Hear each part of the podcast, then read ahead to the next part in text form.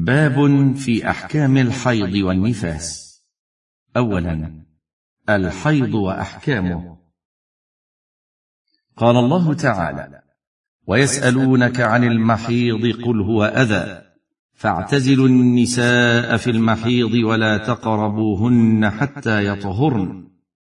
فإذا تطهرن فأتوهن من حيث أمركم الله. ان الله يحب التوابين ويحب المتطهرين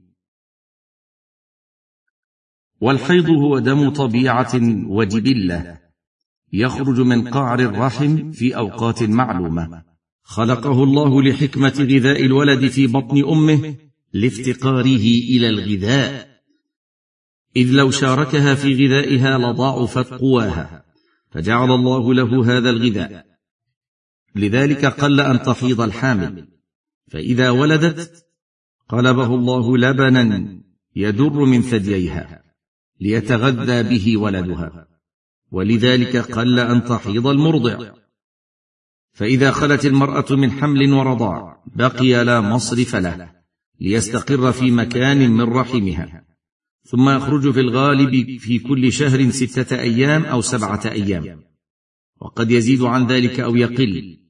ويطول شهر المرأة ويقصر حسب ما ركبه الله من الطباع. وللحائض خلال حيضها وعند نهايته أحكام مفصلة في الكتاب والسنة. من هذه الأحكام أن الحائض لا تصلي ولا تصوم حال حيضها. قال عليه الصلاة والسلام لفاطمة بنت أبي حبيش إذا أقبلت الحيضة فدع الصلاة. فلو صامت الحائض أو صلت حال حيضها لم يصح لها صوم ولا صلاة لأن النبي صلى الله عليه وسلم نهاها عن ذلك. والنهي يقتضي عدم الصحة بل تكون بذلك عاصية لله ولرسوله.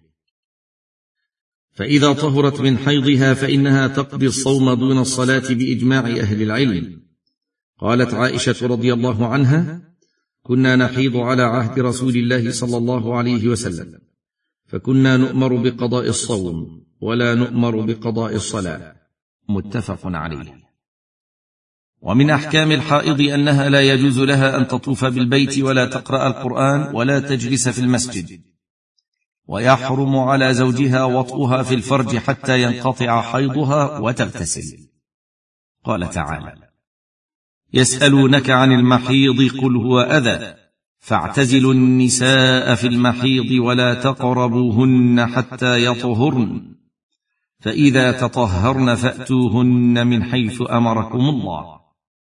ومعنى الاعتزال ترك الوطء وقال النبي صلى الله عليه وسلم اصنعوا كل شيء إلا النكاح. رواه الجماعة إلا البخاري. وفي لفظ إلا الجماع. ويجوز لزوج الحائض أن يستمتع منها بغير الجماع في الفرج كالقبلة واللمس ونحو ذلك. ولا يجوز لزوجها أن يطلقها وهي حائض.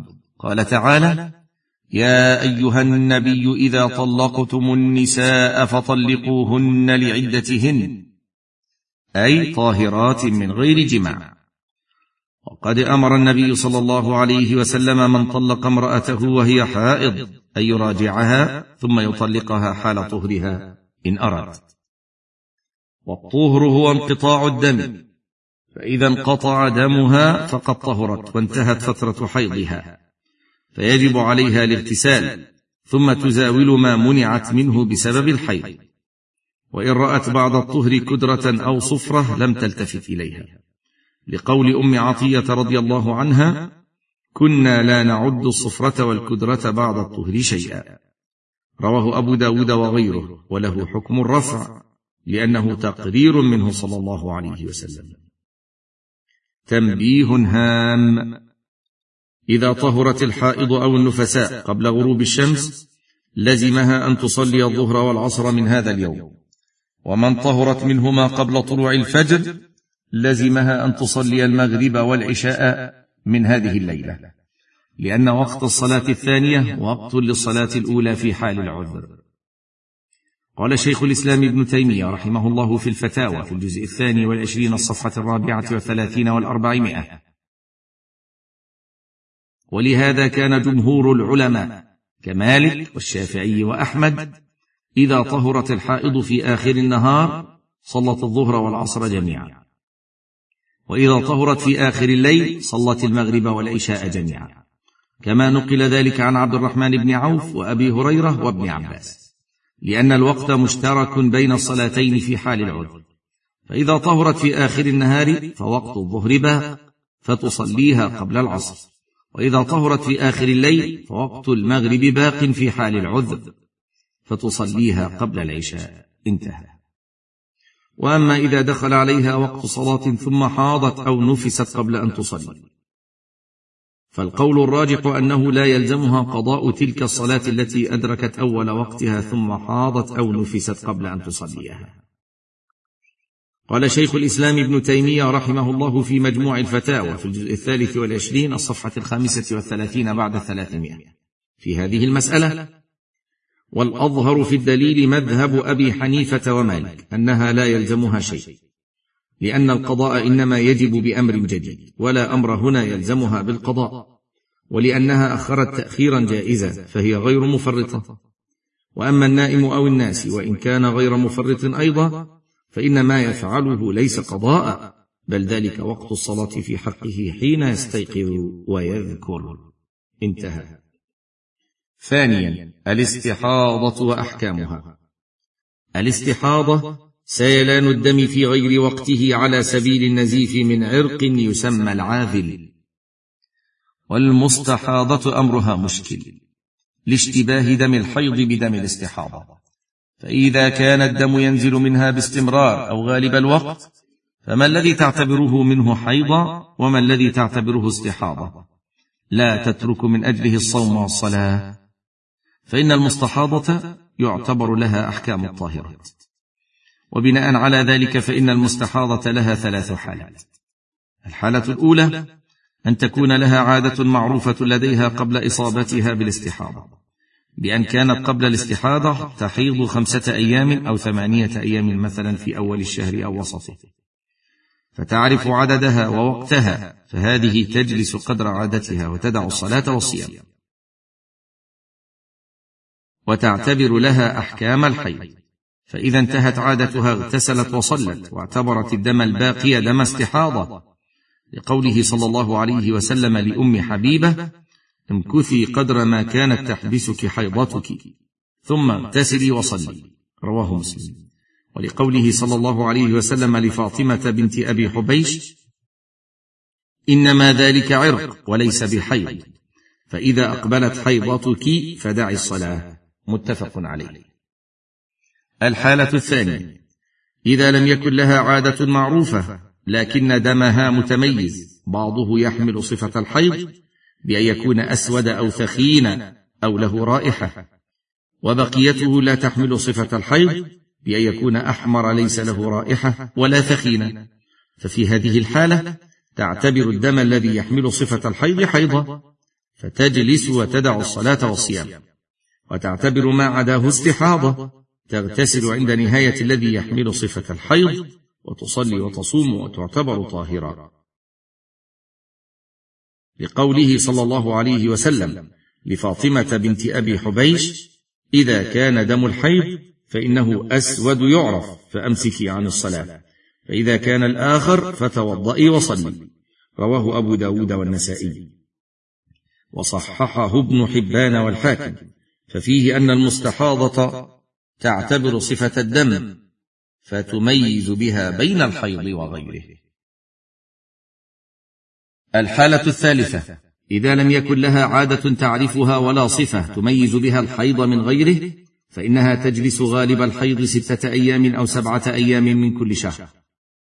لأن هذه عادة غالب النساء لقوله صلى الله عليه وسلم لحمنة بنت جحش إنما هي ركضه من الشيطان.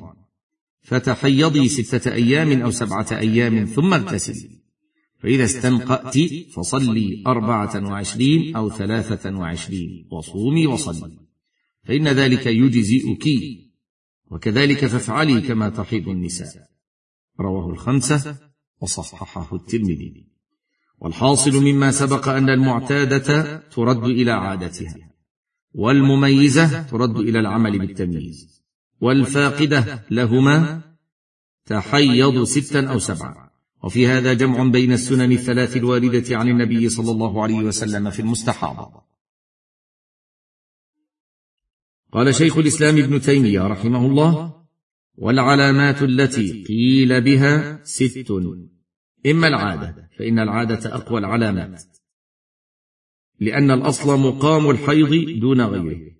وإما التمييز لأن الدم الأسود والثخين المنتن أولى أن يكون حيضا من الأحمر. وإما اعتبار غالب عادة النساء لأن الأصل إلحاق الفرد بالأعم الاغلب فهذه العلامات الثلاث تدل عليها السنة والاعتبار. ثم ذكر بقية العلامات التي قيل بها. وقال في النهاية واصوب الأقوال اعتبار العلامات التي جاءت بها السنة وإلغاء ما سوى ذلك. انتهى. ما يلزم المستحاضه في حال الحكم بطهارتها. واحد. يجب عليها أن تغتسل عند نهاية حيضتها المعتبرة حسب ما سبق بيانه. اثنان.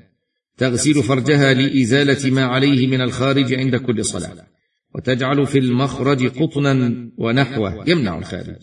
وتشد عليه ما يمسكه عن السقوط ثم تتوضأ عند دخول وقت كل صلاة. لقوله صلى الله عليه وسلم في المستحاضة تدع الصلاة أيام أقرائها ثم تغتسل وتتوضأ عند كل صلاة. رواه أبو داود وابن ماجة والترمذي وقال حديث حسن.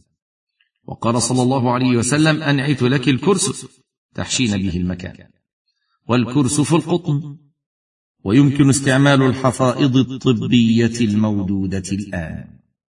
ثالثا النفاس وأحكامه. والنفاس كالحيض فيما يحل كالاستمتاع منها بما دون الفرج وفيما يحرم كالوطء في الفرج ومنع الصوم والصلاة والطلاق والطواف وقراءة القرآن واللبث في المسجد. وفي وجوب الغسل على النفساء عند انقطاع دمها كالحائض. ويجب عليها أن تقضي الصيام دون الصلاة فلا تقضيها كالحائض. والنفاس دم ترخيه الرحم للولادة وبعدها. وهو بقية الدم الذي احتبس في مدة الحمل وأكثر مدته عند الجمهور أربعون يوما. قال الترمذي أجمع أهل العلم من الصحابة ومن بعدهم على أن النفساء تدع الصلاة أربعين يوما إلا أن ترى الطهر قبل ذلك فتغتسل وتصلي. انتهى. فإذا انقطع دم النفساء قبل الأربعين فقد انتهى نفاسها. فتغتسل وتصلي وتزاول ما منعت منه بسبب النفاس. وإذا ألقت الحامل ما تبين فيه خلق إنسان بأن كان فيه تخطيط وصار معها دم بعده فلها أحكام النفساء والمدة التي يتبين فيها خلق الإنسان في الحمل ثلاثة أشهر غالبا وأقلها واحد وثمانون يوما. وإن ألقت علقة أو مضغة لم يتبين فيها تخطيط انسان لم تعتبر ما ينزل بعدها من الدم نفاسا فلا تترك الصلاة ولا الصيام. وليست لها أحكام النفساء تنبيه هام. وهنا مسألة يجب التنبيه عليها وهي أن البعض من النساء قد تتناول دواء لمنع نزول دم الحيض حتى تتمكن من صيام رمضان أو أداء الحج. فإن كانت هذه الحبوب لمنع نزول الدم فترة ولا تقطعه فلا بأس بتناولها. وإن كانت تقطع الحيض قطعا مؤبدا فهذا لا يجوز إلا بإذن الزوج لأن هذا يترتب عليه قطع النسل. هذه جمل من أحكام الحيض. مررنا عليها مرا سريعا وتفاصيلها تحتاج إلى وقت طويل. لكن يجب على من أشكل عليه شيء منها أو من غيرها أن يسأل العلماء فسيجد عندهم إن شاء الله ما يزيل إشكاله. وبالله التوفيق.